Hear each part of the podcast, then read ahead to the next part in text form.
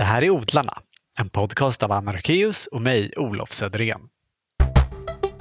Innan vi börjar vill vi tacka ett par av våra sponsorer.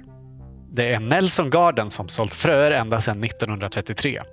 Själv har jag spanat in deras fina sortiment av ekologiska fröer. Där finns till exempel min favoritsockerärt Norli. En sort som både ger fantastiskt goda ärtor och som jag alltid lyckats bra med och som därför har blivit en trotjänare som får hänga med år efter år. En annan sort som jag är väldigt nyfiken på är Tigrette Cherry. En ganska lågväxt busktomat som passar perfekt att odla i kruka. Den ger vackra gulspräckliga tomater och har en häftig limegul bladfärg. Dessutom har den en spännande historia. Gå in och läs om den på nelsongarden.se. Vi sponsras också av Grön IT Konsult AB som saluför proffsredskap för beskärning. Till exempel japanska grensågar från Silky och Golden Star-sekatörer. Riktiga kvalitetsverktyg som både ger bästa möjliga resultat och har potential att hålla länge. Hela sortimentet hittar du på gronytekonsult.se. Stort tack!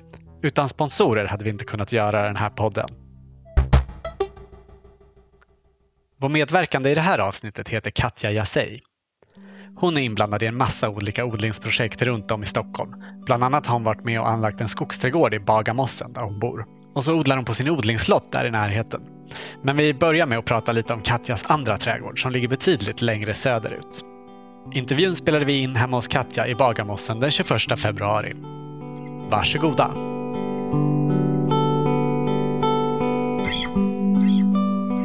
Det där är, det är jordnötter från Gambia. Ah. Med lite så här typ socker på. Mm, typ kanderade. Ja. De var jättegoda. Men eh, vi kan väl börja där. Du är precis hemkommen från Gambia. Mm. Berätta varför du har varit där. Jag har varit där för att det är där vi har vårt sommarhus. Och det är ju ett riktigt sommarhus, för det är ju alltid sommar när vi kommer dit, oavsett om det är i december eller i juli.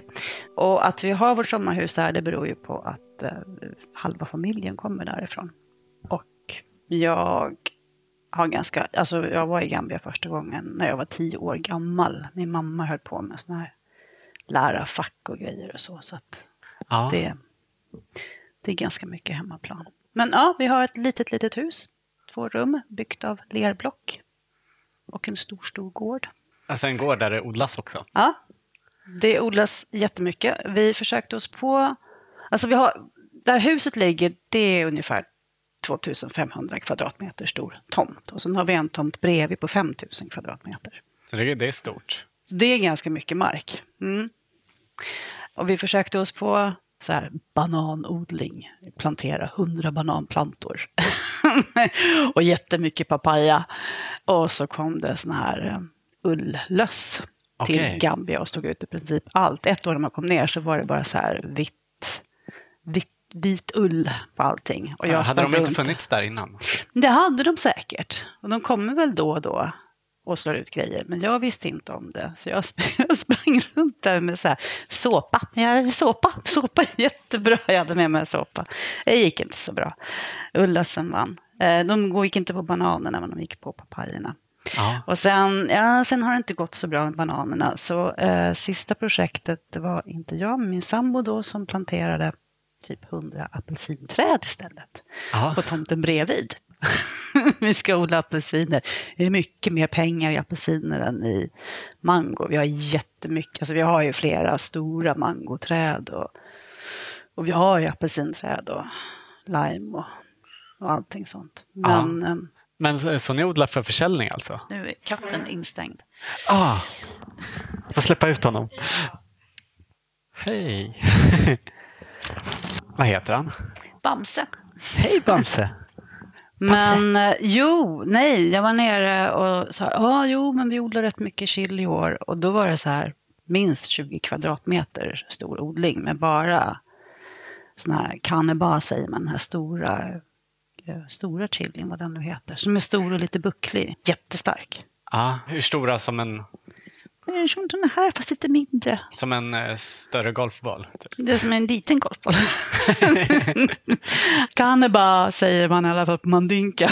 Ja, men typ habanero-aktigt. Ja, någonting sånt. Men om man odlar jättemycket, då kommer folk och köper och säljer vidare. Så man behöver liksom inte, det var så med bananerna också. Mm. Vi behövde inte åka iväg och sälja, utan då är det någon som kommer och köper upp för att sen sälja på marknaden. Ja. Så, Hur mycket är ni där? Eh, riktmärket, vad det har varit i flera år, har varit typ en månad varje vinter. Att man försöker åka dit en längre tid. Och sen var det lite skakigt för de har haft en diktator kan man säga som blev avsatt för ett par år sedan med hjälp av eh, trupper ifrån de andra västafrikanska länderna som samlade sig kring gränserna och bara så här, nu, de hade valt bort honom men han var så här, nej, jag stannar kvar. Mm. men då, då var det så här, Gambia är jättelitet och Nigeria bara, okej, okay, vi skickar våra stora tankers och parkerar dem utanför er kust. Alltså det räcker med ett nigerianskt tanker så är hela Gambias Aha. kust typ täckt. så då gav han med sig. Men ja. Men ni kan vara där tillräckligt för att kunna ha odlingar ändå? Ja, men det är ju inte vi, alltså det är ju så här, det är ju bara lögn att det är vi som odlar utan vi har ju någon som tar hand om, alltså vi har ju någon som tar hand om huset och, och människor runt omkring honom. Vi kan ju inte odla någonting på en månad och sen så åker vi dit och ja, men man kan göra såna här grejer som plantera hundra apelsinträd men uh, sen kan man ju inte vara där och pyssla om dem. Nej. Så det är ju mest att jag, jag då åker dit och nu ska ni köra bokashi här så det är jättebra. Ja. så, att man, och så springer man runt och, och så här, ni måste täcka mer, det är jätteviktigt med täckodling. Ja. Och så åker man hem och så skiter alla vad man sa. ja, men täckodling är bra där också. Hur, ja, det, men vet liksom... du vad? Det är, för det har verkligen inte varit, jag har inte sett någon som helst täckodling Nej. tidigare. Absolut inte. Men den här gången så var jag nere och hälsade på, eh, mot stranden så har kvinnorna sina trädgårdsodlingar. Och det är alltid kvinnor som odlar köksväxter. Det är så här, min andra man brukar man säga. nu går jag till min man för att köksväxterna är ju så bra. Det är de som försörjer en. Och, mm. ja, man är där och man hänger och man kan laga mat. Och... Har du någon aning om hur det kommer sig att det har blivit så? Att det bara är kvinnor? Um, nej. Nej. Tyvärr. Det var också kvinnor som odlade ris alltid tidigare. Det är också en kvinnlig gröda och eh, männen har odlat jordnötter. Ja. Men, um, så, och jag vet inte, det är ju för att risen odlar man ju mest för att äta och jordnötterna för att sälja. Varför kvinnor sen börjar odla Kanske för att, nu spekulerar jag hej vilt, det är en grej som man kan göra hyfsat lätt att sälja du vet, så här, som inte kräver så mycket investeringar. Du kan ha det ganska nära hemmet. Mm. Alltså bra extra mm. jobb liksom. Ja. Men, men i alla fall, jag var nere då, för de har sina trädgårdar på vägen ner mot havet. Det är helt underbart vackert. Jättefint, verkligen. Mm. Det är som kolonilotter. Det är ju uppdelat. Men vi fyra har den här jättestora och så gör man staket med så här palmblad och grejer för att inte jätterna ska springa in och förstöra allting. Vi såg bilder på din Instagram, var det de ja, som vi såg precis. Där? Mm, det var därifrån. Mm. Och det är jättemysigt. Och man odlar liksom i, i gropar då för att behålla vattnet såklart. Alltså man odlar ju inte Nedsänkta upp bäddar. Ja, precis. Sunken Gardens. Och då stod jag där då på min knackiga mandinka och så här, försökte, mm, inte solen, solen, liksom vattnet försvinner. Så här. Och, men hon fattade, så hon bara, ah, ja men kom, kom, kom. Och då hade hon bör, de har börjat med täckodling. Då visade hon, hon har samlat massor med torrt gräs och börjat lägga ut. Mm. Men finns det tillräckligt med material att täcka med? För om det är torrt så brukar ja. det kanske vara så att det inte växer så mycket. Liksom. Nej, men det, ja, det, det, det är nog lite problem att få ihop nog mycket. Och det ser ut olika på olika platser. Men där vi bor så är det, där finns det väldigt mycket torrt gräs. För att det är ganska stora områden som inte är uppodlade under regnsäsongen och då växer ju gräset tokfort. Mm. Liksom. Det är verkligen, eh, om man är där precis när de första regnen faller, då kan man ju se från den ena dagen till den andra hur liksom det som bara var helt dött plötsligt spirar. Det går Efter. så himla fort. Det går så fort. Men jag tror att det kan bli kanske ett problem. I år var det inget bra regn alls. Okej. Okay. Mm. Så i år var det problem med jordnötsodlingarna. Ja. Hur, hur odlar man jordnötter egentligen? Jag har ingen koll på det. Det är ju en ärtväxt. Ja, mm. man sätter ner Man sätter ner frö, liksom. ja precis. Uh, och sen så ja, det är ju, de ser ut som nötter. Det är ju nötterna man planterar. Mm. Eh, Och sen växer de upp ganska lågväxande. Bra marktäckare tror jag. Och sen så är det ju, jag tror att de är kvävefixerare också eftersom de tillhör den familjen. Ja. Så de är jättebra. Och, ju, och åsnorna till exempel, alltså själva det som är kvar, fnösket. Vi har odlat jordnötter också på den här, vår stora tomt. Ja. Det blir ju jättemycket kvar. um, Allt det andra. Ja, själva- och det, mm, själva växten, liksom. Ja, precis. Det blir ju djurfoder då. Men det är jättehärligt när de liksom alldeles nyskördade och sen så kan man tända en liten eld och så lägger man bara på så att de blir så här, lite snabbrostade. Det är ju något av eh, eh, nationalmaten i Gambia, jordnötter. För det har ju varit dess absolut största odling och råvara. Efter bomull. Bomull var förut, men Mm. nu är det jordnötter. Exporterar man mycket jordnötter? Mm, det har varit en stor...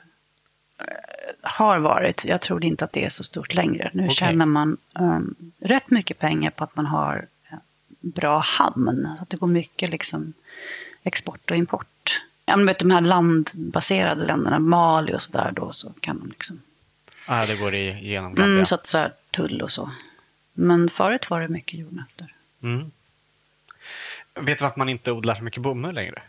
Jag tror att det handlar om att man eh, liberaliserade och slog sönder det statliga uppköps... Alltså de hade innan hand om en statlig eller kollektiv uppköpscentrum.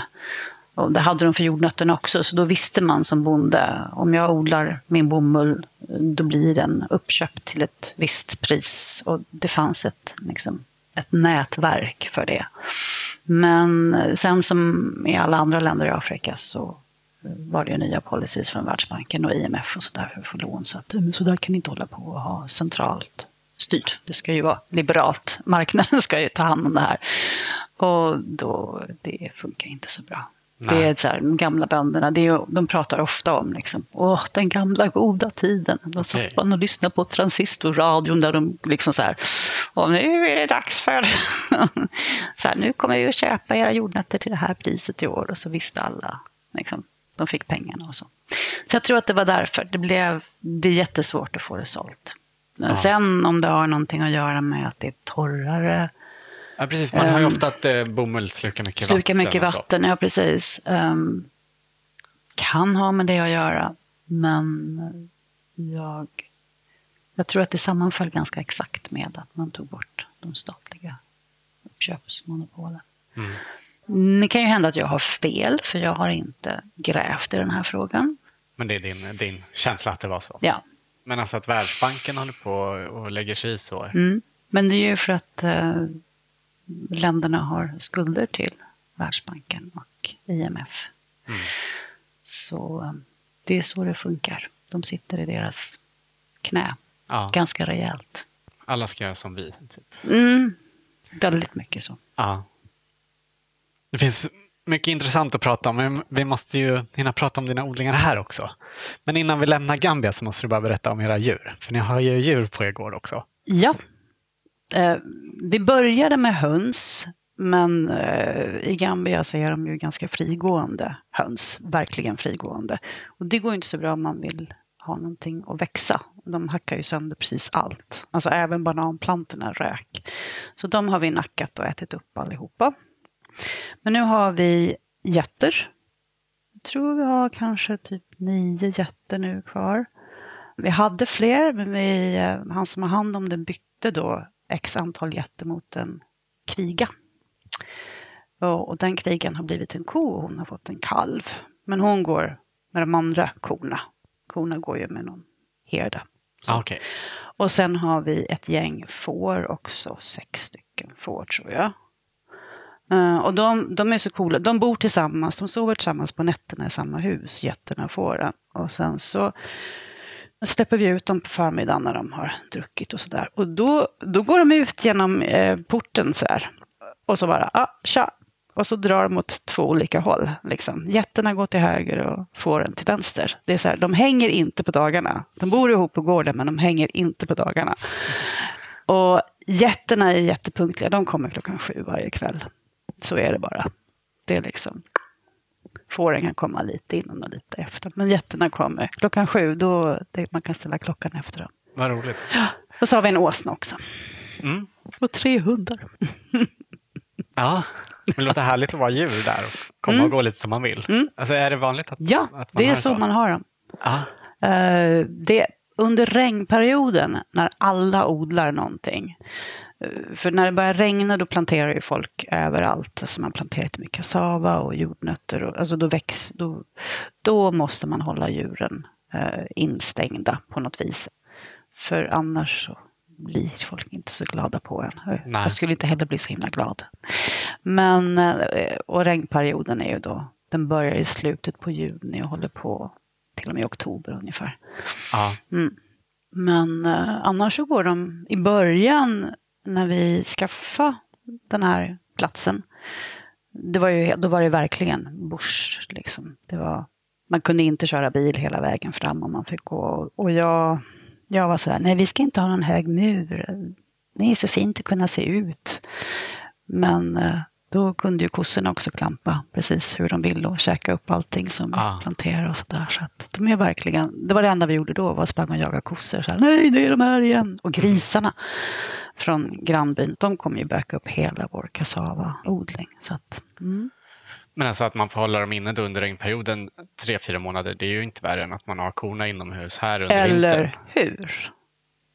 Hur kom det sig förresten att ni hamnade på just den platsen? Eh, det var en slump. Det var en bekant till min sambo. De sprang på varandra. Och, men vad är du nu för tiden? Jo, nej, men jag har flyttat till den här byn vid havet. Och så berättade han då om den här markägaren som hade delat ut tomter till de fattiga. Och han var själv fattig så han hade fått en gratis tomt där. Eh, och så åkte vi dit och så är det bara finaste stället i hela. Det är jättefint. Det är jättefint där. Det är ett väldigt speciellt ställe. Men fick ni det gratis? Nej, vi fick ingen, vi fick ingen gratis. Eh, vi fick köpa. Vi fick av någon annan som sålde. Så vi köpte vår mark. Inte för så himla mycket pengar, men När blev du intresserad av odling? alltså, jag har alltid sått frön.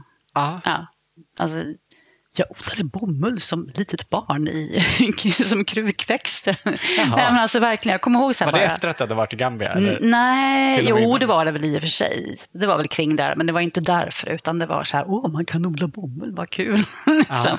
Låt mig så ett frö. Jag sådde även så här tagetesfrö mellan stenplattorna i trädgården. Alltså jag hade verkligen ingen aning. Och jag, jag minns fort, Var växte du upp någonstans? i Skåne. Ja, det hörs en, inte. nej. nej min, min mamma är från Hälsingland och hon var så här, tala som man förstår. så, så vi eh, alla talar ju väl, jag kan tala skånska också, men då måste jag vara i rätt miljö. Ja, var i, Skå- var, var i Skåne Eh, var I en liten by som heter Domsten, en liten fiskeby som ligger utanför Helsingborg. Ja. Jätteliten och söt var den då och nu är det så här värsta flådiga, superrika stället. ja. Odlades det omkring dig också? Eh, Eller var det liksom ditt? Nej, det var jag som tyckte om att stoppa små såna här tantblommefrön. och tyckte de var jättefina. Eh, Men min mamma var ju lärare och konstnär. Eh, Det var hon som styrde där hemma. Mm. Och det var lite mer, eh, allting var vildvuxet. Det var så här, vi hade hundkex, det, det var det som växte. Och lite tulpaner och och sen var det bara så här buskar, hassel. Och vi hade en, en, en kvinna som tog hand om oss och hjälpte oss väldigt mycket. Hon kämpade lite grann där med några jordgubbar och Mm. vinbärsbuskar. Men mamma var så här bara, naturen. så det, det var nog rätt mycket så här kirskål och sånt också som hon tyckte. Det är ju fina blommor. Kan det ju vara. Ja, de är om, man jättefina. inte, om man inte gör anspråk på att ha så mycket annat Nej, där. kan det- precis.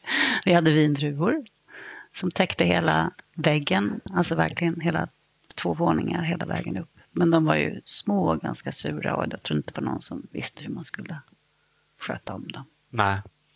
Men var fick du fröer ifrån då? Och bomullsfröer dessutom? Ja, det är en bra fråga. Det undrar jag också. Uh, men Weibull fanns ju som affär. Jag, jag, mm, inne i Helsingborg. Jag var nog inne och rotade, för jag kommer ihåg den här känslan av att stå och pilla på fröpåsarna och att det var liksom bomull och kalebass odlade vi också. Ja, Och så den här blomman för dagen då. Men mm, Mm. gud, vilket, vilken unge, vilken tönt. Det var härligt. Men det blev bomull. Jag fick några bomulls... Ja, Så Åh, ser precis ut som riktig bomull. Så, ja. kul. Men sen, sen, så att jag har alltid petat ner fröer. Och jag har nog alltid på något vis odlat. Även som 20-åring när jag flyttade in i en lägenhet i Fruängen på bottenvåningen så, så grävde jag upp liksom ett hål utanför uteplatsen eller balkongen och stoppade ner en kaprifol för att det är ju fint. Eh, och det är inte så många 20-åringar som... Det är ju en tid när de, man inte är så odlingsintresserad. Men jag har liksom alltid stoppat ner någonting. Jag har i princip grävt upp alla rabatter utanför alla hyreshus jag bott i. Utom här då, för här har jag ingen rabatt att gräva upp. Nej, men det är ett litet skogs, eh, skogsparti utanför. Ja, jo, det är ju lite, man skulle kunna fixa, men nu, nu håller jag ju på på så många andra ställen runt omkring mig istället. Då, så att. Nej, men jag har odlat, jag har alltid odlat på ett eller annat sätt. Bland annat så odlar du ju på en kolonilott en bit Mm. härifrån. Vill du berätta lite hur din lott ser ut? Mm. Eh, den är jättefin, den är otroligt genomtänkt. Och Nej, min lott är um, övervuxen. Eh, det var någon som sa ah, men det känns som en sån här, jag vet inte, en bortglömd eh, fransk bakgård. Eller, ja, så. Eh, Den kallas, har kallats för Humlelotten, inte tack vare mig, men det har planterats väldigt mycket humle där. Så det är en sån här stor entré. Så, och humlen är verkligen, jag har slagits mycket med denna humle. Som dyker upp överallt och som växer 20 centimeter på en dag och vet, så här, slingrar sig runt allt. Och sen är det liksom bäddar som jag tänker att i år så ska jag planera och göra det här snyggt. Men sen blir det att ja, men nu ska jag så, ja, men jag gräver upp en bädd här och sen så tjoffar jag ner någonting och sen gräver jag upp en bädd någon annanstans. Och, så blev det en gång här. Jag har jättestora staketdruvor. Silga eh, som jag har köpt i Riga. Ja. Så det är roligt att jag köpte dem där, på den marknaden. Och de är ju fantastiskt goda. ja. Blir det Eh. mycket druvor på? Ja! Det blir ju så mycket druvor så att man, du vet, man bjuder precis all, alla som kommer förbi så här, åh, vill du smaka på mina druvor? och folk tackar snällt och äter. Och sen ja, vi så här, gör saft på dem och äter och äter och äter. härligt. och det var tre aldrig- plantor. Mm. Jag har aldrig odlat druvor, men kräver det liksom mycket? Det här är ju staketdruvor. Ja. De har inte krävt någonting. Nej, man behöver De inte kräver ha... beskärning. Ja, de gör det. ändå. Mm, det gör de. Absolut. Men that's it. De verkar, rötterna går ner ganska djupt. Alltså, Jag pysslar ju om dem såklart. Men nej, det är alltså verkligen alla borde ha staketdruvor. Det är jättebra. Mm. Det blir supermycket. Härligt. Så, men ja, och sen så har jag en sån här odlingstunnel, en växthustunnel Ja. på lotten. Som då egentligen är ganska ful, men jag är kär i min tunnel. Det är det bästa jag har gjort i hela mitt odlarliv är att skaffa den här tunneln. För man kan börja säsongen så mycket tidigare. Och, ja, men det är så fint. Mm. Mm. Vi läste att du också har gjort en varmbänk precis. I tunneln, i min I älskade tunnel.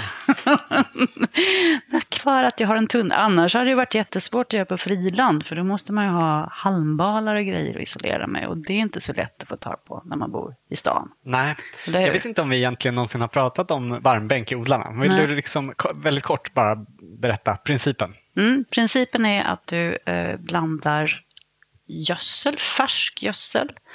Hästgödsel har varit det traditionella. Eh, för det är mer fart i det. Folk använder ju all möjlig slags gödsel. Med halm. Eh, och halmen ska gärna vara då genomkissad av hästarna eller dig själv eller med någonting annat. Ungefär två tredjedelar halm och en tredjedel gödsel. Men det är ju helt omöjligt att veta. Alltså, för gödseln kommer ju tillsammans med någon halm eller någonting. Så där får man bara hoppas att man har fått proportionerna rätt. Och sen lägger man ihop det och, och packar ihop det ganska rejält. Och då får man ju till en, liksom, en supersnabb komposteringsprocess. Så, alltså, det blir jättevarmt. Och det här kan man göra nu då i februari redan för nu räcker ljuset om man skulle vilja börja odla. Ja, och samtidigt får man då värmen i, ifrån bänken. Och det Mm. är Man utnyttjar värmen som blir när gödslet Ja, precis. liksom. Man låter det, det tar ungefär kanske två veckor i snitt tror jag. Eh, Det kan gå upp till så här 70-80 grader i bänken. Och sen när det har sjunkit till, rådet brukar vara kring till 50 i jorden och 20 ovanpå, då lägger man på jord, lite, alltså ett lager med jord som man kan så i jorden eller sätta ut plantor. Mm, Har du sått den? Nej, jag la i bänken för kanske, ja, jag borde ner och kolla nu, lite drygt en vecka sedan. Jag tycker den har gått upp lite långsamt i år, så jag är lite orolig. Men så där är det ju, ja, att man alltid oroar sig. Så, oj, oj, oj, oj, oj, hur ska det gå? Ja. Vad ska du så i den då? Jag ska så sallad. Det gjorde vi förra året och det var så underbart. Och vi fick så himla mycket sallad. Eh, och vi åt och vi åt och vi åt. Och det är jättehärligt att göra det i april. Och sen tänker jag nog faktiskt sätta ett pluggbrätte med löksådd också i bänken. För jag vill så min lök. Mm, förra, förra året gick det jättebra. Förra året gick det inte alls bra för då hade jag sett för många Charles Dowding-videos. Och så här bara, "Nej, fem och fem, det går jättebra. Nej, gick inte. Nej. Så, och det jag kan inte ha löksådden här hemma för katten äter upp. Aha. Det är en stor utmaning. I, här är katten som tuggar i sig precis allting som jag Ja. sår. Är det med katter som med hundar att lök är farligt för dem att äta? Ingen aning. Är lök farligt för hundar? Ja, vad jag har förstått så det, är någon, det har något med att de inte kan... Det förstör eh, typ röda blodkroppar i deras Oj blod då, eller oj då, oj då. Ja, men han är ju ganska korkad. Han håller på att tugga i sig vår monster här också och kräks varje dag. Så att jag måste kasta ut den blomman. Mm. Nej, lökstråna, de är ju bara små lökstrå. Ja, det är så men, lite så det men kanske... det med allt, vet, majs och såna här grejer, allting bara... Så, det är Mhm. svårt. Det är därför jag är så glad för tunnel, för nu kan jag förkultivera där. Ja. Men om man inte har någon tunnel så går det alltså att göra varmbänk ute också? Ja, absolut. Eh, Det här med tunnlar är ju ganska nytt påfund. Mm. Men traditionellt så har man ju isolerat dem med halmbalar till exempel. Eller haft den nedgrävd i jorden. Så det går ju. Men som sagt var, jag odlar i staden. Jag har inte tillgång till halmbalar. Så att... Men jag har tillgång till en, en odlingstunnel. Mm. Jag vet att det är lite olika på, i olika områden huruvida man får ha tunnel eh, eller inte.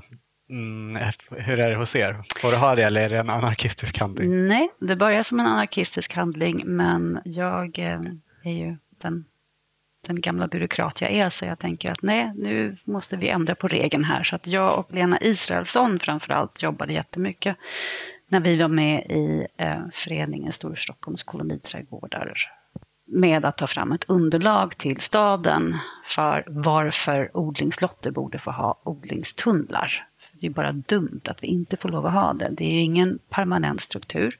Den är jättelätt att flytta på den dagen du lämnar lotten.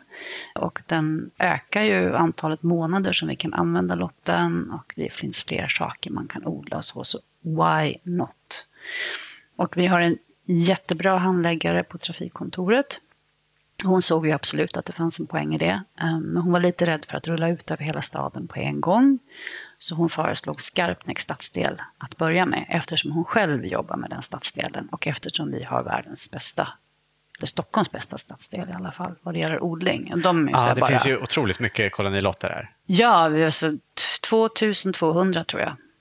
Jag tror att vi är kolonitätaste i hela, i hela Sverige per capita. Det är ungefär en lott per 20 invånare i Skarpnäcks stadsdel. Ja. Så det, det är grymt. Ja, det är många som kommer från andra delar av stan och odlar här också för att det finns så mycket. Vi Ah. hade ju också lott i Skarpnäck förut när vi bodde i Stockholm fast att vi bodde i en annan del av stan. Mm. Mm, din lott ligger ju i en förening som heter Pungpinan. Som gammal Stockholmsbo så är jag rätt van vid det namnet men jag kan tänka mig att det låter lite märkligt för, Andra. för andra. Ja, men det är, som jag har förstått det så fanns det ju en vägkrog där, eller hur? Ja, Och det är så- det jag har hört ja, också. Precis. Och så stannar folk och så söp de bort sina pengar och då pinade i pengapungen. Så, men jag vet, det är väldigt många som pungpina, fniss, fniss, men ja. Pungpinans fritidsträdgård. Hur kom det sig att du hamnade just i, det, i den föreningen? Eller det, jag ska säga, det är inte bara föreningen som heter så utan det är ju området runt om. Men hur kom det sig att du hamnade just det i den föreningen? närmst. Ja. Alltså, det är ju jättenära. Man kan, Det är ju typ fem, drygt fem minuters promenad härifrån. Jag går genom skogen och sen är jag där. Så jag gick dit, såg anslagstavlan och ringde till dåvarande. Och när var det du började där? I Pungpinan började jag odla 2006. Var det första gången du hade en odlingslott? Nej, jag har haft odlingslott i eh, Hammarbyhöjden tidigare. Mm, men då hade vi också en liten, så här, vad var hon, kanske två, tillsammans med några andra så här, unga familjer med små barn. Och vi kröp runt och hackade kvickrot och visste inte vad vi gjorde och, och så. Och sen flyttade vi utomlands och då sa jag upp den lotten. Okej. Var, var det i Gambia ni bodde då? Nej, då bodde vi i Zimbabwe.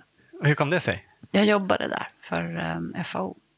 Med småskaligt jordbruk. Ja. På vilket sätt jobbar du med, med det? Eh, jag fick en, det var en sån här junior experttjänst som socioekonomisk rådgivare. Jag var antropolog eh, och då så jobbade jag tillsammans med massa med jordbruksingenjörer och skulle så här, tänka på människan. Och det var, var jätteroligt, de höll på med, med biogas. Eh, De hade klurat ut någon egen liten småskalig lösning. Eh, Biogas gick ner i en stor plast, som en uppblåsbar jättelik ballong eller någonting. Man gick på toaletten och så bajsade man och så blev det gas där och sen så kunde gasen kopplas till en liten slang som du kunde tända och eh, koka vatten på eller liksom laga mat på. Men den var jätteliten och vi var hemma hos... Alltså som en liten biogasanläggning för precis. hemmabruk? Ja, typ. ja, biogasanläggning i Tanzania var det här. Eh, Gud vad smart. Alltså, varför används inte mer Nej, nej sånt men mer? därför att man kom och så var det så här, åh den var jättefin och jag bara, okej, och, och var lagar du maten någonstans? Ja, nej men alltså, den lagar jag ju där ute i köket på. För det var ju så här, det var jättelitet och så har man en familj på tio pers. Och du vet, alla ingenjörerna var superglada och liksom, åh vad fint och titta här kan liksom tända och koka ja, ja, vatten. Men man bara visade. Men smart egentligen. Det Ja. var ju roligt. Men eh, vad som var problemet var ju ändå att det var så här. Mitt bajs blir gas som jag kokar mat. Alltså, det var ju lite så här. Ja. Men vi var faktiskt i Vietnam och träffade bönder där som också hade, var med i samma så här, biogasprojekt. Och så. Åkte med bönderna från Tanzania till Vietnam. Mm. Så jobb, vi bodde i Zimbabwe och så jobbade vi i Kenya, Tanzania, Zambia och Uganda. ja. Och hur länge var ni där? Tre, lite drygt tre år. Odlar du då också? Mm, det är klart att du gjorde. Eh, majs såklart, för det, är liksom, det, det måste man ha i sin trädgård i Zimbabwe, för alla odlar majs. Och så hade jag såna här, vet, så här enorma rosmarinsbuskar utanför köket. Jag fattade inte då vilken lyx det var. Eh, För det, så stora blir de ju inte här i Stockholm, för de överlever ju inte ens en gång. Men ja, Nej. nej, men ja, jag odlar lite allt möjligt. Och blommor. Överlever de i tunneln? Har du provat det? Jag provade, sen var det det här då med att då skulle man ju springa kanske och ha lite bättre koll på fukten och det hann bli torrt. Och, mm, så att, ja, jag misslyckades. Mm. Men i Zimbabwe funkar det? Ja, det är helt annat, alltså Zimbabwe har ju väldigt eh, bra klimat. Ja. Det är ju ganska kallt där på deras vinterhalvår. Det är ju tvärs emot här. Alltså Ja. de har ju vinter när vi har sommar och så. Men det kan ju gå ner mot, ja, det blir kyligt, riktigt kyligt. Ja, det okej. första jag köpte när jag kom ner var en varmvattensflaska. Aha. För det var så in i baljan kallt på nätterna, så rått. Men du hade en trädgård där, där du kunde odla liksom? Ja, vi hyrde ett, ett hus eh, med en trädgård. Så Mm. då, det var ju så stark brittisk influens, så det fanns ju garden centers överallt. Mm. Och alla hade, eh, eller i alla fall alla liksom medelklass hade ju sådana här hanging baskets, vet, som engelsmännen gillar jättemycket. Eh, så, åh gud, och, men så här, pelargoner, ju, alltså allting var ju bront och stort där. Det var ju häckar med pelargoner. Alltså så, verkligen. Och julrosor och allting sånt där såklart. Så att, mm. Ja, härligt. Mm.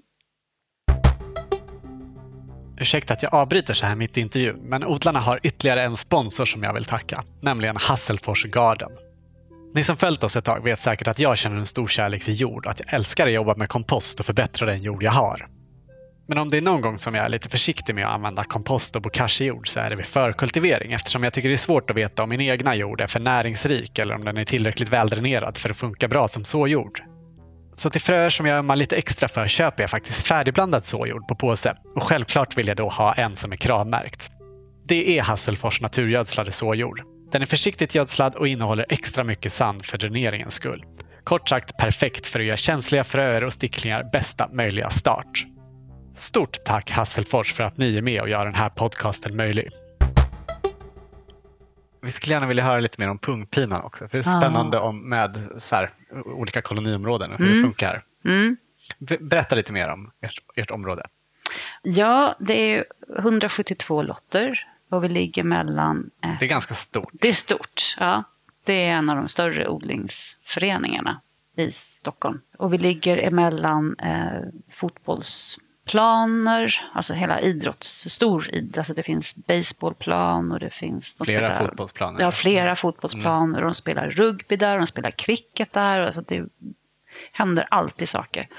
Och så har vi villa, villor på andra sidan. Och vi har jättebra eh, samarbete också med idrottsförvaltningen för de klipper gräsmattorna. Vi har gräsfotbollsplaner som klipper Aha. och allt gräsklippet dumpar de utanför oss. Samlar de upp det åt er? Ja, så Åh, vi har gud, en lyx. jättehög med gräsklipp. där är ju min dröm. Alltså, Jag förstår. Och de första åren så var det, då blev det att den låg och liksom började så här, lukta lite illa. Men nu, nu är det så här, nu är gräsklippet här. Och så kommer liksom alla rusande med sina Ikea-kassar eller hinkar och så och hämtar. Så det har verkligen blivit en grej Ja. att täcka. Gud vad kul att många är inne på det. Liksom. Ja, och, och två år i rad nu så en annan medlem, hon har beställt hem sån här trasigt ensilage. En bonde som har kommit och levererat. Och där har ju folk varit jag ska ha en hel bal! Och man bara vet hur stor en hel bal är. och sen har de gått där med sina, ja, och hela pungpinan har varit täckt och luktat ensilage och jättehärligt. Så. Och några har förstås fnyst och tyckt det var jobbigt. Så. Men det är odlingslotter så det finns inga hus. Hur stora lotter har ni? 100 kvadrat är nästan alla. Min är 130. Ja, För det är några som ligger längs med staketet som är lite större. okej. Men det, Ja. det, det är typ några. Jag visste inte om att min var större när jag fick den. Så jag är jätteglad. Ja. Jag läste på din blogg att du också har gjort lite experiment på en annan lott som stod tom. Mm, en lott som aldrig någon älskade. Den bytte ägare hela tiden.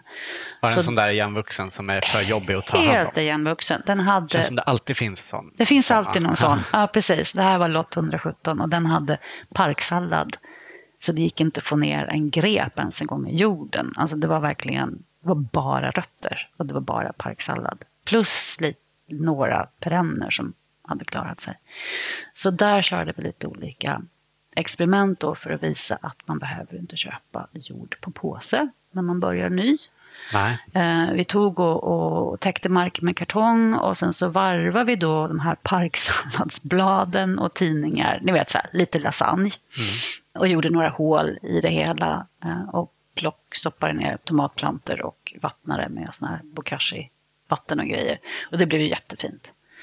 Och sen nästa år så gjorde vi, då hade vi eh, bokashi fermenterat. Eh, under städdagen så kom alla med ogräset. Som vi hade en sån här 120 liters bokashi-tunna som vi då fyllde och varvade med strö. Och så lät vi det stå för att se, kan vi fermentera det här? Och, och det kunde vi.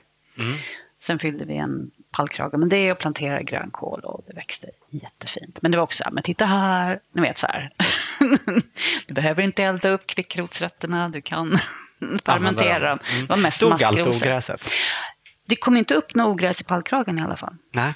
Så eh, tyvärr inte ett kontrollerat experiment. Fast jag har gjort om det lite grann och det, det känns som att det, det funkar processen. Så det kom inte upp någonting. Nej. Det var jättemycket maskrosor. Något borde jag ha gjort, men nej. Bra. Mm. Är det någon som tar sig an den lotten nu efter att ni gjorde de här experimenten? Mm. Ett ungt par som hade kolonilott eh, i Snösätra men som flyttade till vår del av staden. Och han, han, killen som valde lotten, han valde lotten. Han hade, det var inte ens den sista lotten kvar. Han, han tyckte att den såg fin ut. Ja. Det var rätt tidigt på våren. Men, eh, och de gräver och håller på och fixar och sådär. Liksom några delar var ju lite bättre efter att vi hade kämpat med dem och sådär. Ja, men då hade de haft lott innan. Då vet, Har man lite erfarenhet så kanske man också vet att det inte, ogräset är inte allt. Liksom. Nej. Ja, Ett Nej. soligt läge kan ju vara minst lika mycket värt Exakt. som en ogräsfri lott. Ja, så att det, och det är jättesoligt läge. Så att, ja, de, kämp, de kämpar på jättebra. det är kul. Mm. I ett annat inlägg så skrev du om eh, koloniodling som antikapitalistisk rörelse. Mm. Det utgick från ett avsnitt av den brittiska podden So Grow Repeat Mm. där de pratar om det. Kan du berätta lite om hur, på vilket sätt det, det kan vara, ses Anti- som en Ja, antikapitalistisk rörelse? Nej, jag tycker att det är ganska fantastiskt för odlingslotterna, mm, det är ju någonting, vi äger ju inte dem. Det är mark som vi inte äger. Vi lånar den och vi betalar för att få låna den. Och väldigt lite. Det är ju helt utanför marknadsekonomin eller marknadspriserna. Och ändå så älskar vi den här marken. Alltså det är väldigt, jag har grannar som har haft samma lott i 30 år. Hon har inte, en granne Eva till exempel, hon har aldrig behövt äga den här, men hon har ändå liksom vårdat denna bit mark. Och vi får ju inte heller göra några pengar på det. Man får ju inte ha en odlingslott och, och driva något kommersiellt. Jag kan ju inte börja odla massa grejer och sälja eller ha det. Utan det är liksom verkligen det jag odlar där, det måste jag äta upp eller ge bort. Och det gör vi också. Jag är ju aldrig varit med om så mycket att folk byter saker och skänker saker och så som på ett odlingsområde. Det är ju alltid om någon sådär, åh det gick fel med mina svartkålsplantor, är det någon som har, ja men visst kom och hämta hos mig. Så att det är ju, vi, vi existerar någonstans helt utanför liksom, det ekonomiska tänkandet.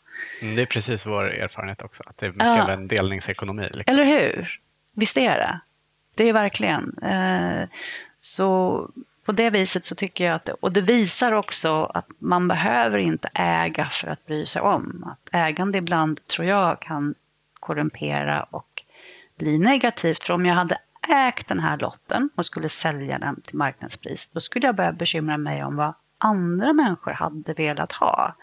Nej, men då måste det ju vara snyggt på ett speciellt sätt så jag kan få ut pengar för det. Så.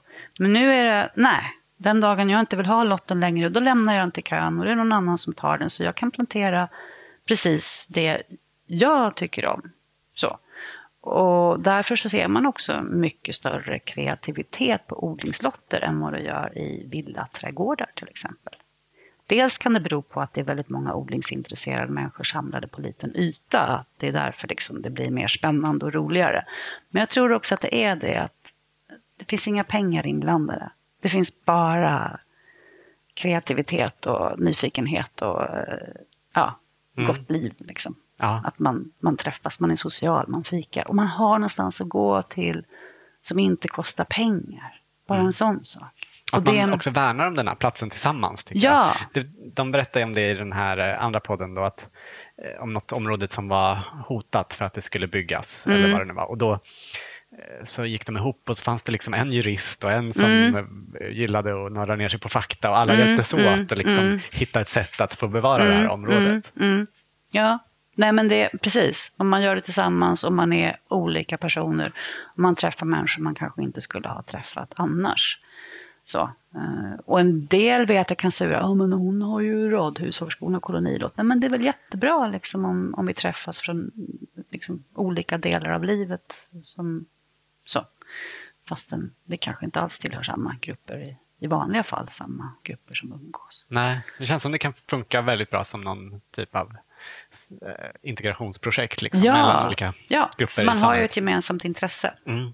Så. Förutom i pungpinan så är du även aktiv i Bagisodlarna. Mm. Berätta. Ja, jag springer ju på alla bollar då, känns det som. Så eh, när det stod att "Åh, nu ska vi börja odla här i centrala Bagarmossen, då, då hörde jag av mig. Mest för att jag ville fråga om vi kunde ha en bikupa där. Vi hade bin förut, men eh, det har vi inte just nu. Men vi kunde inte ha, jag tror att vår parkingenjör här, han var inte så pigg på det. Jag tror han hade bifobi eller någonting. Men det skulle ju odlas, så ja, jag blev kvar.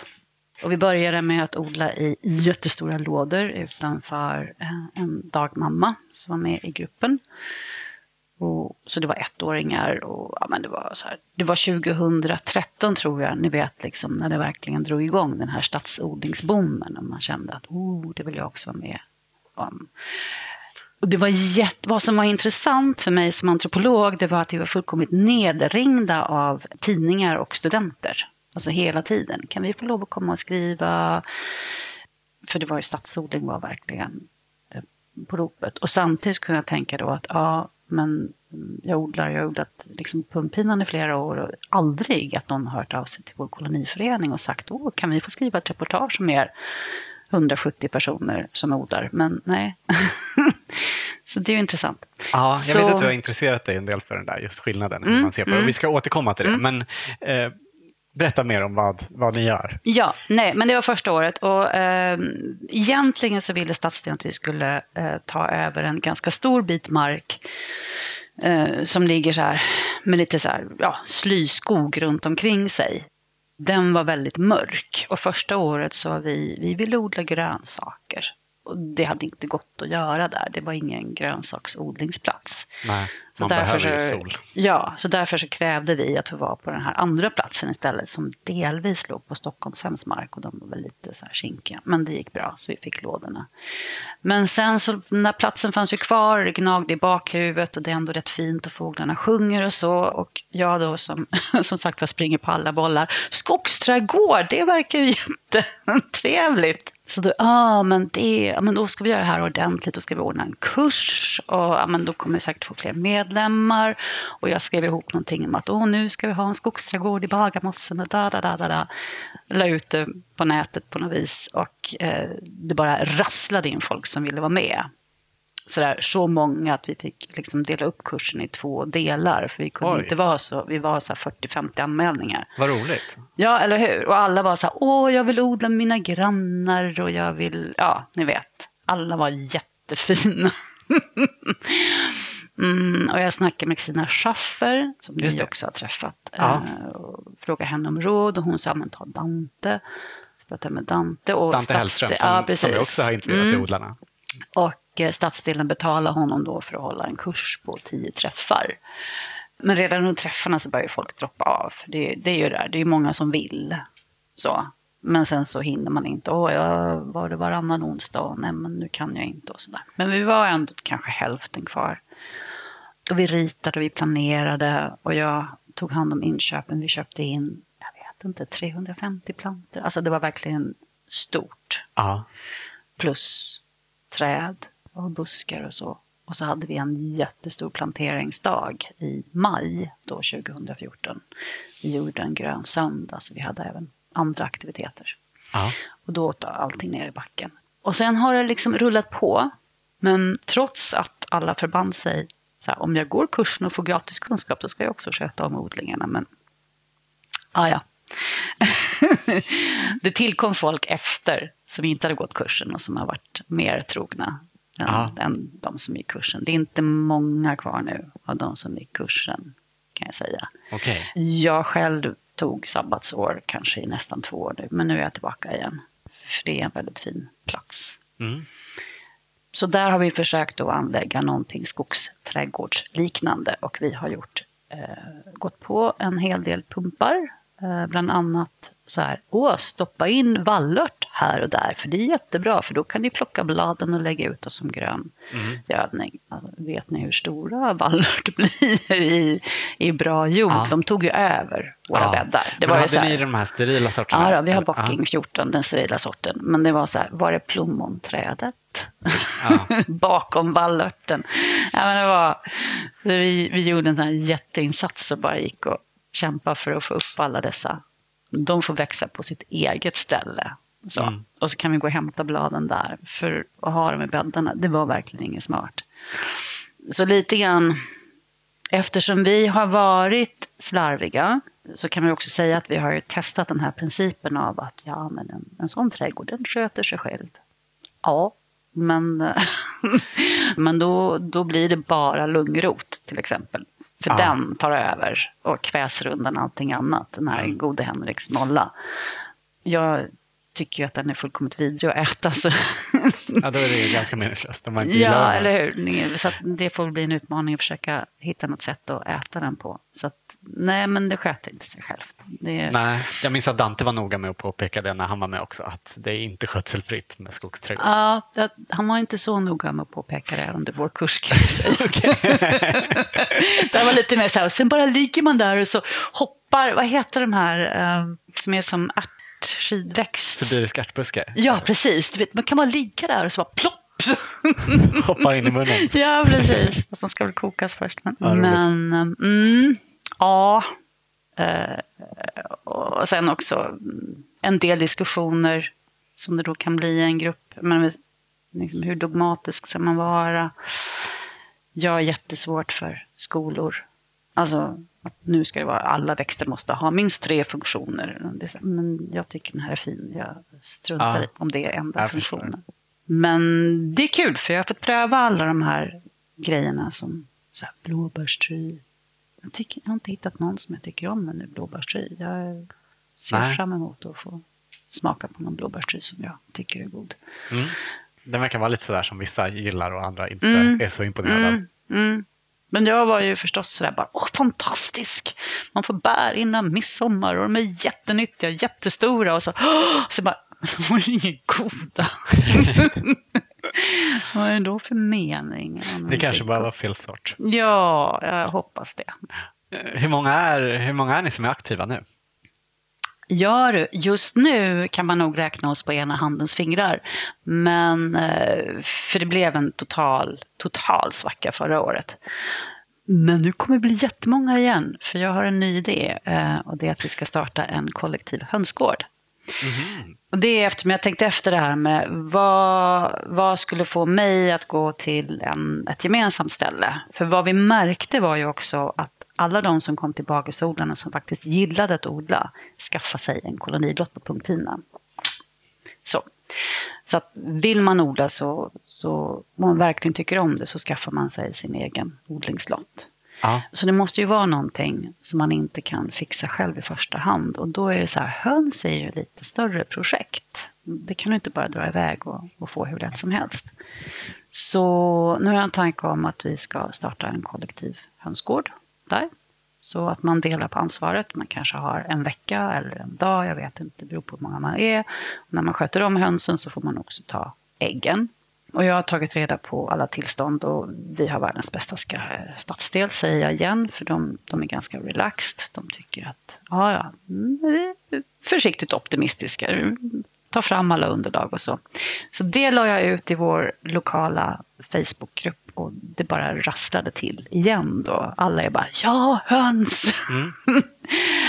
Sen är det ju något väldigt fint med djur. Alltså den här relationen med djur, det är ju den enda icke-fördömande relationen man har nästan. Alltså djuren, är- de håller ju inte på och kommenterar en massa saker eller tänker en massa saker, ifall de inte är katter förstås, då kan de kanske vara lite dömande. Men, men höns, de är jättekul att titta på, för de är olika allihopa. De har ju verkligen personligheter. Så att, alltså jag kan sitta och glo på höns i timmar. Så jag tror att det skulle vara en bra grej även för de som inte är med och sköter. Att bara liksom kunna gå dit och sätta sig och kolla på hönsen som så hackar på varandra och ja, ni vet, så här snor runt och så. Jag tror verkligen att det är, det är en bra grej som man mår bra av. Så vi ska träffas nu och mm, liksom dela upp arbetsuppgifter i. Man måste ta reda på tillstånd och, sånt. Spännande. Mm. Så det blir Kul. bagisodlarna fortsättning följer. Ja. Eh, Får vi se. Hur stor är den här skogsträdgården ungefär? Eh, skogsträdgården som vi har anlagt, vad kan den vara? 500 kvadrat kanske, eller någonting sånt. Det är svårt, det är ju som en triangel. Den är inte superstor. Eh, ytan som vi har brukaravtal för är på 3000 kvadratmeter. Okej. Eh, men Så då har- ingår även en linbana som med en sån här lekparksgrej. Ja. Inte i vår då. Men, mm. Ska hönsen vara i den här delen också? De ska ju inte vara i skogsträdgården, Nej, utan de får vara i den andra delen. Ja, precis. Mm. Och vi måste ju hitta något bra stängsel så att inte någon kan sno hönsen, eh, vare sig det är människor eller rävar. Mm. Men vi har ju stor yta att hitta plats på. Ja. Du nämnde ju det här att eh, ni fick väldigt mycket uppmärksamhet när ni började odla i, i- alltså den här tillsammansodlingen i Bagarmossen. Och du har tittat lite på det, hur stadsodling eh, alltså i parkhagar och parker och så eh, behandlas annorlunda än koloni, kolonilotter. Mm. Jo, vad man ser så, men en stadsodling är ju ett mm, mer... Det förekommer ju i vissa dokument från Stockholms stad och, och det ska leda till en massa fantastiska saker. Eh, de gör reklam för det. Mm, Jag hörde i en annan stadsdel, jag glömt bort. Årsta Vantör heter den. Va? Där, där finns det liksom foldrar i receptionen. Vill du börja odla? Och, jag menar, kontakta oss och du får palkhögar, du får jord. Det är fint. De har haft det som mätbart mål inom Stockholms stad. Um, och då är det stadsodling, pallkragar och gemensamhetsodling. Det var också ett krav här i Bagarmossen att det skulle vara gemensamhetsodling. Det har fått mycket resurser. Bagisodlarna, vi har ju brukaravtal, vi behöver inte betala någonting för marken. Eh, och vi har fått massor av stöd av staden. Men pumppinan, vi betalar ju för marken som vi odlar på. Vi, vi betalar ett arrende varje år och vi har, inte alls, vi har fått stöd, men inte alls lika mycket. Så man kan ju se att stadsodling har varit mer populärt hos myndigheter och i media. Eh, förmodligen för att det är en ny sak, för att man bryter gränser. Det är öppet, det är gemensamt, det är så här nya territorium. Och koloniträdgårdar har varit lite mer så här, ja, ska inte häckarna vara 1,10 egentligen? Och lite så här gam, gammaldags, mycket regler och så. Men sen kan man också då se att, eh, jag läste en studie nyligen publicerad från Södertörns högskola. Och alla stadsodlingarna som de beskriver i studien, som de har intervjuat, all, ingen av dem finns längre. Och intervjuerna liksom okay. var väldigt nya. De mm. är i princip nedlagda allihopa. Eh, det har inte gått så bra för gemensamhetsodlingarna i Stockholm helt enkelt. Och det tror jag beror på det som man på eh, engelska så pratar man om, om eh, placemaking, om places istället för spaces. Jag vet inte vad man säger på svenska, men space det är liksom den geografiska platsen, det är din adress. Och place, det är när du bor på platsen, ditt hem. Och det är det här att man, att man skapar en plats, att man liksom lägger ner känslor och relationer och man gör den till sin. Det tror jag är svårare i en gemensamhetsodling som är sådär öppen öppen och men kom och gå som du vill och ja, ni vet. Än i en kolonilott. För mig är ju verkligen lotten också inte bara odling utan det är en plats. Så. Vi har ju den också som vårt öppna vardagsrum. Alltså, vet, vi hänger där, man äter där. Det är ju ett hem också. Men även om det är en odlingslott och du inte äger den så är det ändå, men jag vet, liksom, här får jag göra det jag vill. Så, det jag tycker är fint. Jag behöver inte dra det med en massa andra. Så jag tror att det finns någonting där som mm. man inte riktigt mm, kan jag känna själv. För jag tycker, för odling är ju någonting så otroligt kreativt. Alltså det är ju verkligen kreativitet. Det är inte så himla lätt att göra det i grupp alla Nej. gånger. Och jag ser också ofta att man har, när man tittar på lösningar så handlar det då om managementstruktur. Att vi ska anställa en person som är där och som har hand om det. Och det blir så här, jaha, okej. Okay. Men då är det någonting annat. Då kanske det är snarare att vi kanske ska titta mer på hur våra parker ser ut. Det tycker jag kan vara intressant. Finns det ett annat sätt att hantera parkmark? Det tänkte vi mycket på, jag tänkte mycket på det i alla fall i Bagesoden i början. Att man, liksom an, andra typer av planteringar. Det finns ett par exempel på i Göteborg där vi bor. Eh, att där mm. man har anlagt eh, fruktlundar i parkerna. Mm. Mm. Som alla får gå och plocka. Mm. Funkar det? Plockar folk frukter?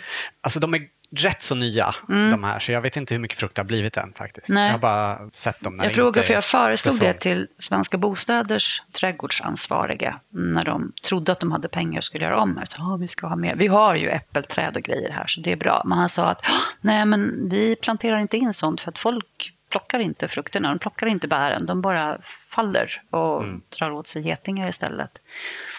Det är ju jätteintressant. För det är, så här, det är klart att det borde vara fruktträd och bärbuskar precis överallt. Och så plockar inte folk av det. Varför? Då måste man kanske jobba med det också. Så här, det går att äta de här bären eller så här gör du en... Ja, tala om det eller ja, liksom skylta med ja, det på något ja. sätt tror jag. Ja, men det är sant. Det är, det är verkligen inte många som tar vara på sånt. Jag vet inte hur många gånger jag har stått och plockat, bland annat på vägen förbi Pungpinan faktiskt, mm. finns det ju körsbärsträd längs ja. hela gatan där. Eller hur? Uh, och nu i höstas så var jag ute och plockade Rosenkvitten i någon rabatt ah. i Göteborg och folk går förbi och tittar. Vad, vad håller han på med liksom?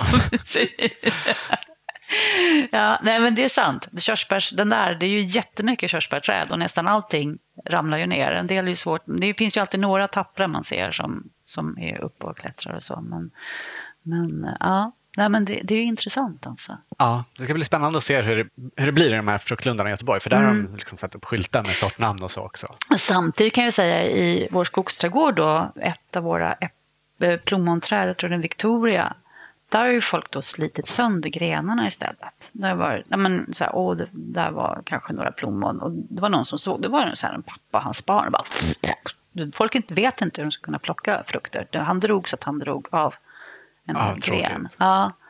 Så det kanske finns någon behov av folkbildning där. Hur plockar du frukt och hur Ja. äter du den? liksom, om den inte är på Konsum.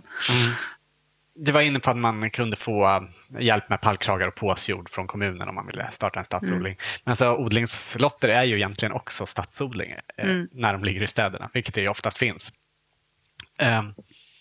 Men det är lite synd, för jag tycker stadsodling har blivit väldigt förknippat just det här med pallkragar och påsjord som man ställer upp någonstans. Men eh, alltså på lotter har man ju jord som man kan använda, alltså r- riktig jord i marken. Liksom. Eller hur? Och ändå så ser man ibland vissa nya kolonister som då kommer och köper pallkragar och påsjord och släpar Ja. dit och sådär.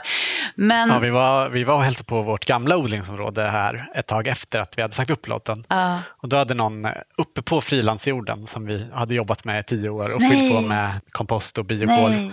Ställt pallkragar uppe på så, och så kommer de medan vi är där med torrjord Ja, ja, ja, på sig ja. att fylla dem med.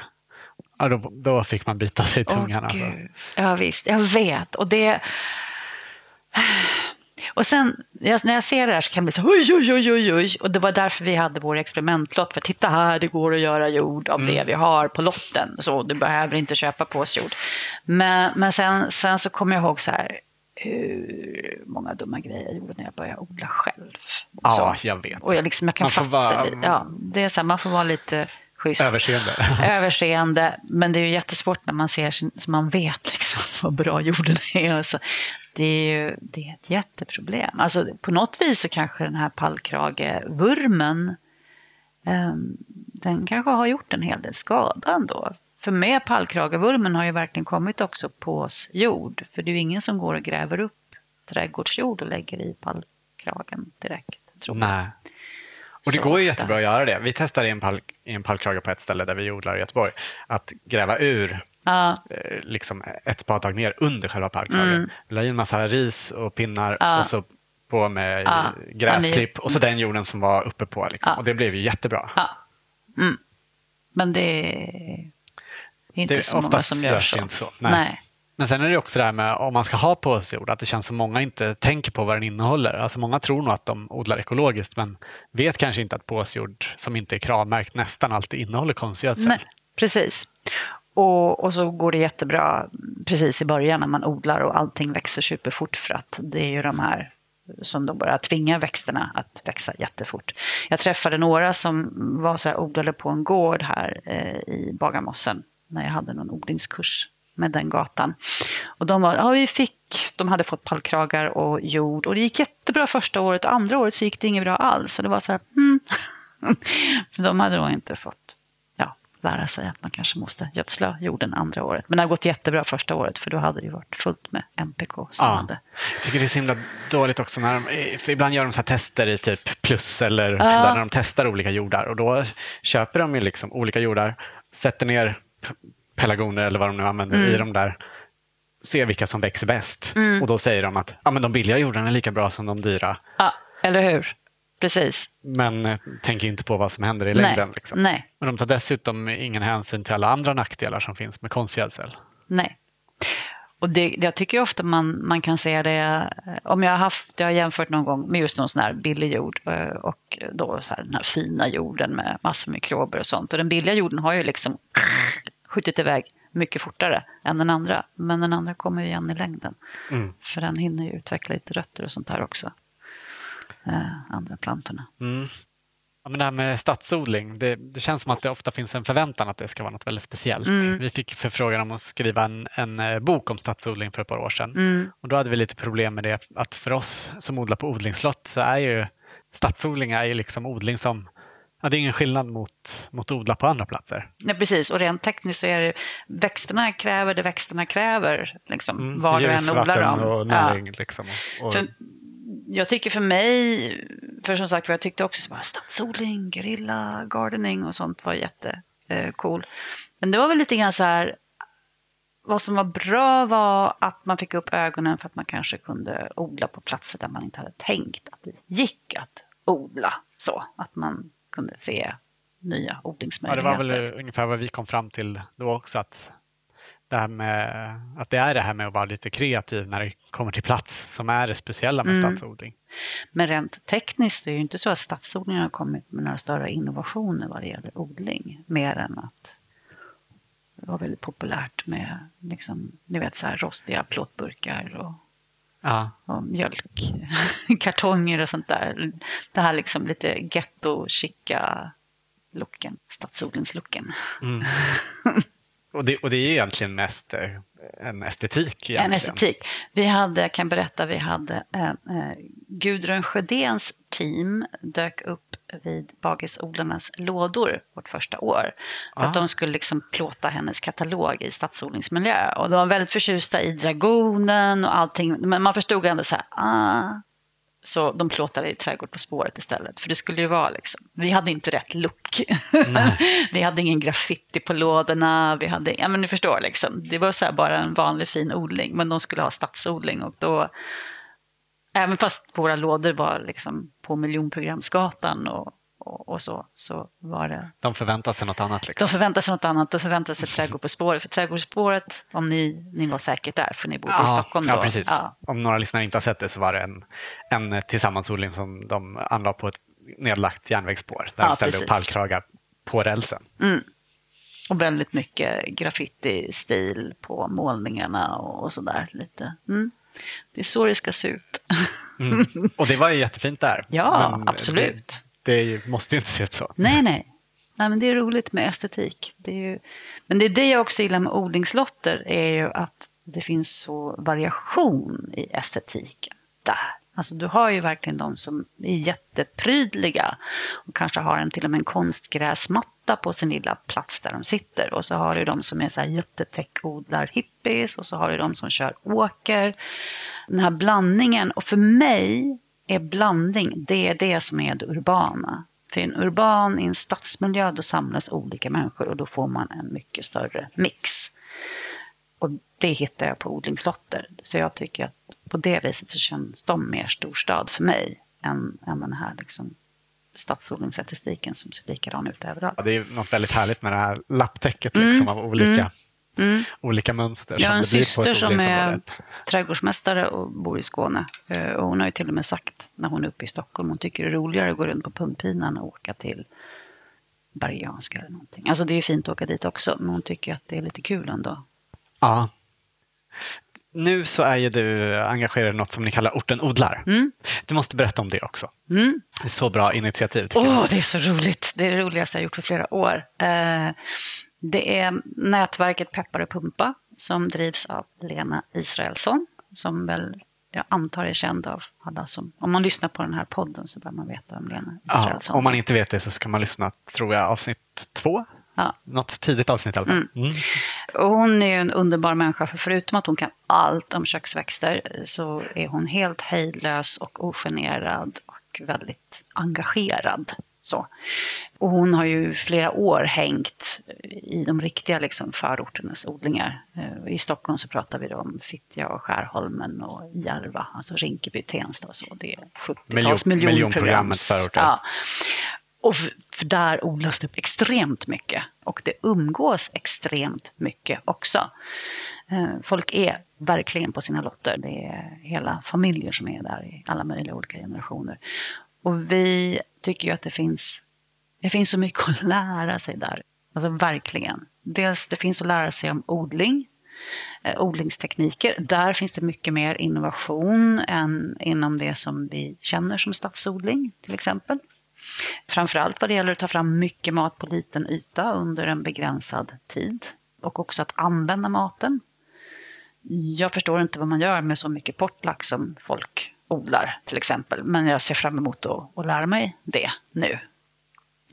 Och det finns också ganska mycket att, att lära sig om, om återbruk. För jag tycker också, nästan alla har ju snickrat dagstugor, man har sittplatser och det är mycket mer av att man, man tar det man har. Eh, var det liksom kontorsstolar, så fine, då är det det vi har som våra trädgårdsmöbler. Vi åker inte iväg och köper någonting annat för vi hade de här gratis. Och, och det är också liksom en inställning som förmodligen är jättebra för klimatet. Mm. Att man faktiskt använder sig, även ja, om det var klart. fult då. Liksom, inte kan man ha en kontorsstol på en odlingslott, men oh, Varför inte? Rätt. Varför inte? Eh, vi var ju i söndags Eh, då i februari i eh, Rinkeby, lilla Rinkeby. Och det var fullt med folk på lotterna trots att det fortfarande är snö och is. Alla som jag pratade med sa ungefär samma sak. Att, men jag, jag går hit varje dag, det här kan kasta bort stressen, det här jag mår bra, den här har, liksom, det här jag, tack vare lotten jag överlever. Och eftersom jag själv har lott så fattar jag precis vad de menar. Det är en speciell kärlek. Två av männen var så här, ah, de sa samma sak. Jag har två kärlekar och det är min fru och min lott, min mm. kolonilott. Och det är så här bara, yes, I hear you. jag fattar. Så det är ju ett, jag tycker ju att vad man ser på de här odlingslotterna, det är ju en, en, det är liksom en knutpunkt mellan både kontinuitet och tradition och innovation. Alltså att man har vissa grejer som vi vill ha den här grödan, men man måste innovera, man måste hitta nya sätt för att kunna odla den i Sverige kanske.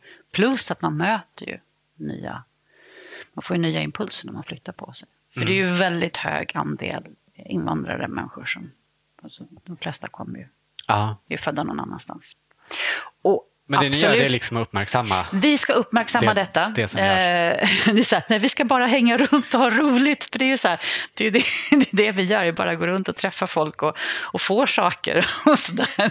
Jag ska inte odla, jag ska bara gå runt och titta. Liksom. För varje gång så får man grönsaker och sånt med sig hem. Inläggningar nu då på vintern. Nej, vi ska uppmärksamma detta och vi gör det tillsammans med Studiefrämjandet och Tensta konsthall. För Tensta konsthall har också en kolonilott som de använder som träffpunkt för sitt språkcafé. Ah. Det är en jättehäftig konsthall. De är också intresserade av det här att vi lever liksom väldigt privata liv på en väldigt offentlig plats. Men det, det, det är ju ganska coolt egentligen. Det är ju så här otroligt intimt på något vis att sitta och äta middag med familjen. Och så gör man det, ja, på en scen inför öppen ridå. Men vi kommer lyfta fram det. Eh, vi kommer ha en jättestor fest eh, den 24 augusti. Då kommer vi ha, på en central plats, förmodligen i Tensta, kommer det vara en vanlig festival med marknad, alla får sälja saker och workshops och sånt. Och sen så ska vi ordna små shuttlebussar. Det ska vara lätt för alla. Som ska åka till tre olika områden där man kan få gå runt och bli liksom inbjuden till olika lotter och lära sig någonting om ja, hur har du odlat det här? Och smaka på mat och dricka te och ja, så. Och det är ingenting, det kommer, jag tror inte det blir så svårt. De vi har pratat med har varit så här, ja, ja, det är lugnt, det är lugnt, vi fixar festen, kom hit bara. Så um, ett sätt för att få ut folk ja. från Stockholm och se uh, någonting som är jättefint.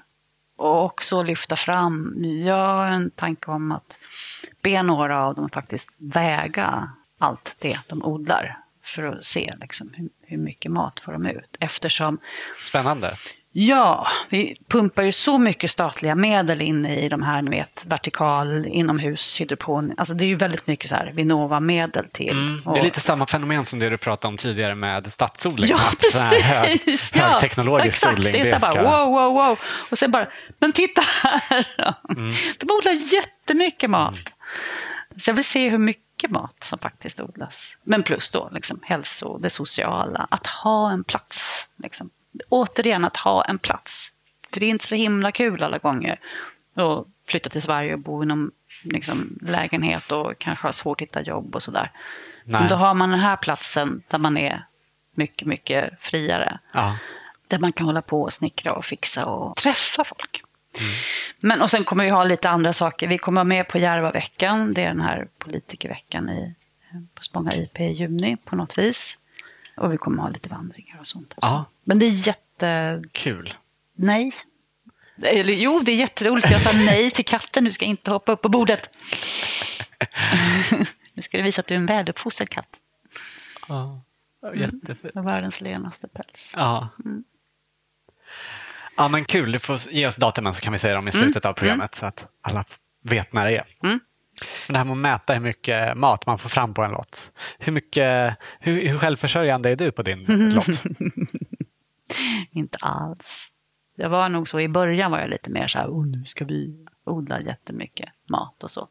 Men, men lök och potatis brukar vi klara oss ganska länge. Men eh, nu tänker jag inte alls längre självförsörjande. Jag har blivit väldigt dålig på att verkligen odla mycket mat. Jag, jag, liksom, jag sitter ju bara och tittar på insekterna istället. Ah. Jag låter allting gå i blom för att... Oh. Men sen odlar du växter för att färga också. Det är också en slags självhushållning. Precis. Så det här året kommer bara att bli färgväxter tror jag. Ja, du färgar garn. Mm, och tyger. Och trä. Och, eller liksom, man kan ju färga allt.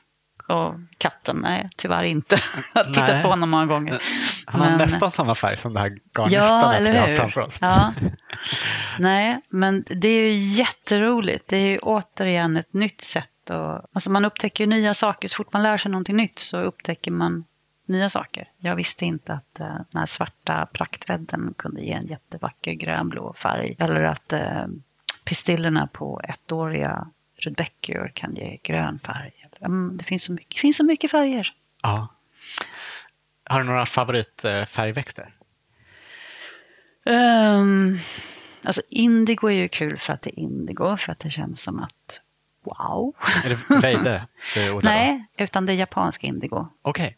Färgpilört eller eh, Persicaria tinctoria är väl det vanligaste latinska namnet. Och den är väldigt, fast den är väldigt törstig.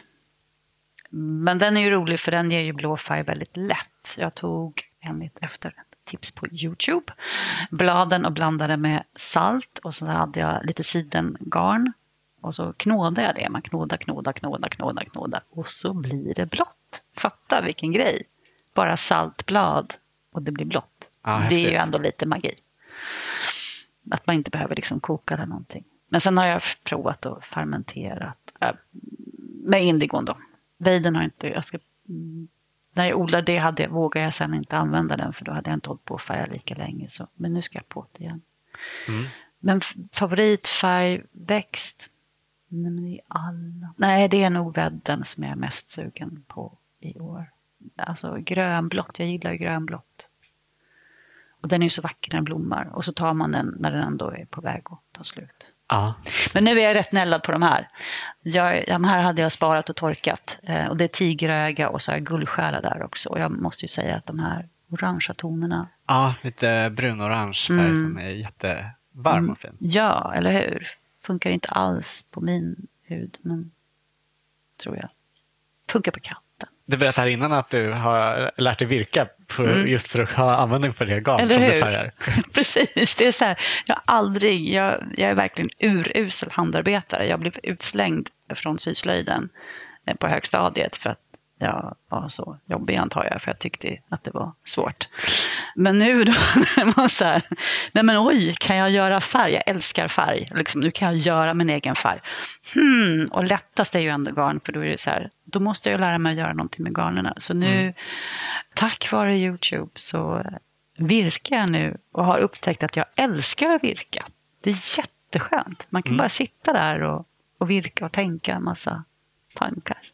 Lite meditativt, precis Ja. som att odla kanske. Mm. Ja, jo, det är någonting. Och Skönt, så gör man det på vintern. Eller vara på lotten. Jag var med en kompis, vi var och färgade på lotten vi hade så här. Fast det var ju svamp då. Men, det är underbart att sitta där ute på lotten. Mm. Eh, Det hade varit kul att prata ännu mer om färg, men jag tror inte vi hinner så mycket Nej. mer. Eh, Vi har, om, man, om man vill veta mer om det så har vi gjort ett avsnitt med Kylie Maide på Bergianska trädgården som är jätteduktig på växtfärgning också. Absolut, det var jättebra det intervjun med henne tycker jag. Om växtfärgning. Tycker du det? Ja. ja kul. Mm. Kan ni ta med saker som ni har odlat eh, från Gambia? Som, alltså ta med skörd därifrån? Ja, vi har ju haft med oss, när vi hade jordnötter något år så hade vi med oss jättemycket jordnötter och vi har ju fått med oss inte, vi har inte odlat ris själva, men andra som odlat ris. Och, jag menar, jo, vi, man tar ju med sig, eh, det går, och rökt fisk kanske och palmolja. Mm. Mm. Men så länge det inte Från- kommer från Nej, mark kommer där det har in, varit nej, regnskog. det gör ju inte det. Utan där är det ju lokalt odlad småskalig palmolja. Så det är jättepopulärt där med palmolja i maten. Ja, men bara det är odlat på ett eh, hållbart Schysst, sätt så, ja, så behöver inte det vara fel. Liksom. Nej. Har ni oljepalmer på er gård? Eh, vi har haft, jag vet faktiskt inte om de är kvar, det är en bra fråga. Jag har varit med, men då när vi, det var ju så cool. För då var frukterna, det blir sådana här små hjärtformer, alltså ja, massor med små frukter då. I stora klasar? Ja, precis. Och då var det några män i byn som är duktiga på det här. Så han bara klättrar liksom. Det var en jätte, alltså verkligen hög palm. Vi pratar om många meter upp i luften. Men han bara tch, tch, tch, tch, med någon grej runt magen och skar ner det. Och Ja. sen så kan man då liksom krossa det lite grann eller folk tugga på. det Så, så att, jo, vi har faktiskt skördat egna. Ja, spännande. Mm. Men det var, vi var under regnperioden och vi är inte där så ofta under regnperioden. För att då är det ju odlingssäsong här. Ja, just det. Så det är ju svårt att åka härifrån. Vad skulle du säga att det gör med dig som person att hålla på med odling? Mm, det, vad det gör med mig som person. Jag kan inte tänka mig att inte hålla på med odling. Så, hmm, vad, vilken svår Gör fråga. dig hel. ja, precis. Det gör mig hel. Eh, kan aldrig... Eh, Men jag tycker som så här, jag tycker att det är ett väldigt bra sätt att förstå naturen och världen och att se saker. Jag ser ju så mycket mer tack vare att jag odlar. Så, då ser jag ju insekterna och man blir mycket känsligare för eh, vädret. Man tänker på vilket väder det är. Man, jag blir nog mer uppmärksam människa tack vare odlingen faktiskt på miljön runt omkring mig. Och det är väl en bra sak, är det inte det? Jag tror det. Ja, jag tror det också. Kan du inte längta efter att ha en egen trädgård liksom, där du bor? Alltså nu har du ju i och för sig Lotten väldigt nära Ja. och du har ju en trädgård i Gambia. Men... Mm. Eh, jo, en del av mig kan längta efter att ha den direkt utanför dörren. Att så här bara, nu går jag ut och plockar min sallad på en gång. Men jag längtar inte så mycket efter att ha hus i Sverige. För jag vet att om jag skulle ha hus i Sverige, då skulle, då skulle det bara bli en massa Åh nej, nu måste vi lägga om taket och dränera grunden och bekymra mig om sånt och kanske inte alls hinna med odlingen lika mycket. Det är min skräck. Så därför så tycker jag att det är ganska skönt att, att, ha, att bara ha en trädgård och inte ha hus. Som jag har nu med odlingslotten. Och sen så den andra har man ju då när man är på, i sommarhuset i Gambia. Den andra Ja. sortens. Kan du längta efter att bo mer, mer tid där? Mm, det tror jag, det kommer det kanske bli så småningom. Mm. Absolut. Jag är inte en stor vän av de svenska vintrarna. Så Nej. Det, men det är ganska det är skönt att ha två länder, två ställen. För det finns ju för och nackdelar med båda ställena. Ja. Innan vi avslutar så eh, skulle vi jättegärna vilja höra ditt allra bästa odlingstips. Ja. ehm, det som har gjort mig gladast det är ju den här jäkla odlingstunneln. Så mitt bästa odlingstips är om du har plats och möjlighet, skaffa dig en odlingstunnel. Så, jag vet att det kanske inte är ett odlingstips, men det är det. För att alltså förkultivering, att kunna göra det i rätt temperatur och rätt ljus. Du får mycket bättre plantor. Det går ju inte att förkultivera in i en lägenhet på en fönsterbänk. Det blir ju inget bra, det blir ju skrangligt.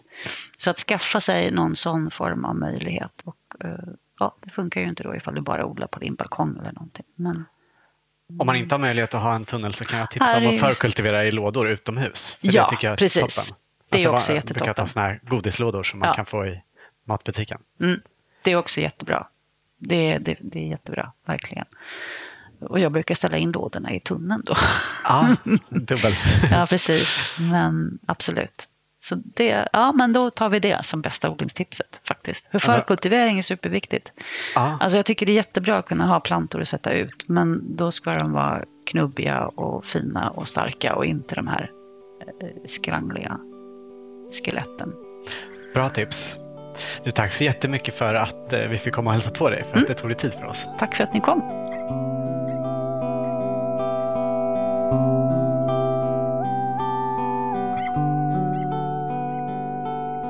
Du har hört Katja Jassej i Odlarna. Efter inspelningen så hörde Katja av sig med ytterligare ett tips som hon tycker är ännu lite bättre än det hon berättade om i slutet av intervjun. Hon skriver så här. Direkt så sommarsquash i början av maj eller cirka fyra veckor innan sista frost istället för att förkultivera inomhus som vi oftast gör. Sätt minst två frön i jorden på platsen där du vill ha din squash. Se till att det är ordentligt genomvattnat. Ta en stor petflaska, en och en halv eller ännu hellre två liter. Skär av botten och skruva bort locket. Sätt flaskan över squashen och tryck ner den ordentligt i jorden så att den inte blåser bort. Sen är det bara att vänta. Flaskan bevarar fukten och när fröet grott behåller den värme ända tills du kan ta bort flaskan. Du får knubbiga fina plantor och i mina försök har de gett frukt tidigare än plantorna som är förkultiverat som vanligt eftersom de får mycket ljus och rötterna slipper störas. Ja, det var det hela.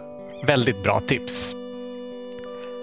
Den stora odlarfesten på Järvafältet som Katja pratade om äger rum den 24 augusti. Följ orten Odlar på Instagram så får du säkert veta allt du behöver. Där kan du också följa Katja själv under namnet Katja J. Under intervjun så nämnde vi en hel rad med odlare som varit med i det här programmet förut.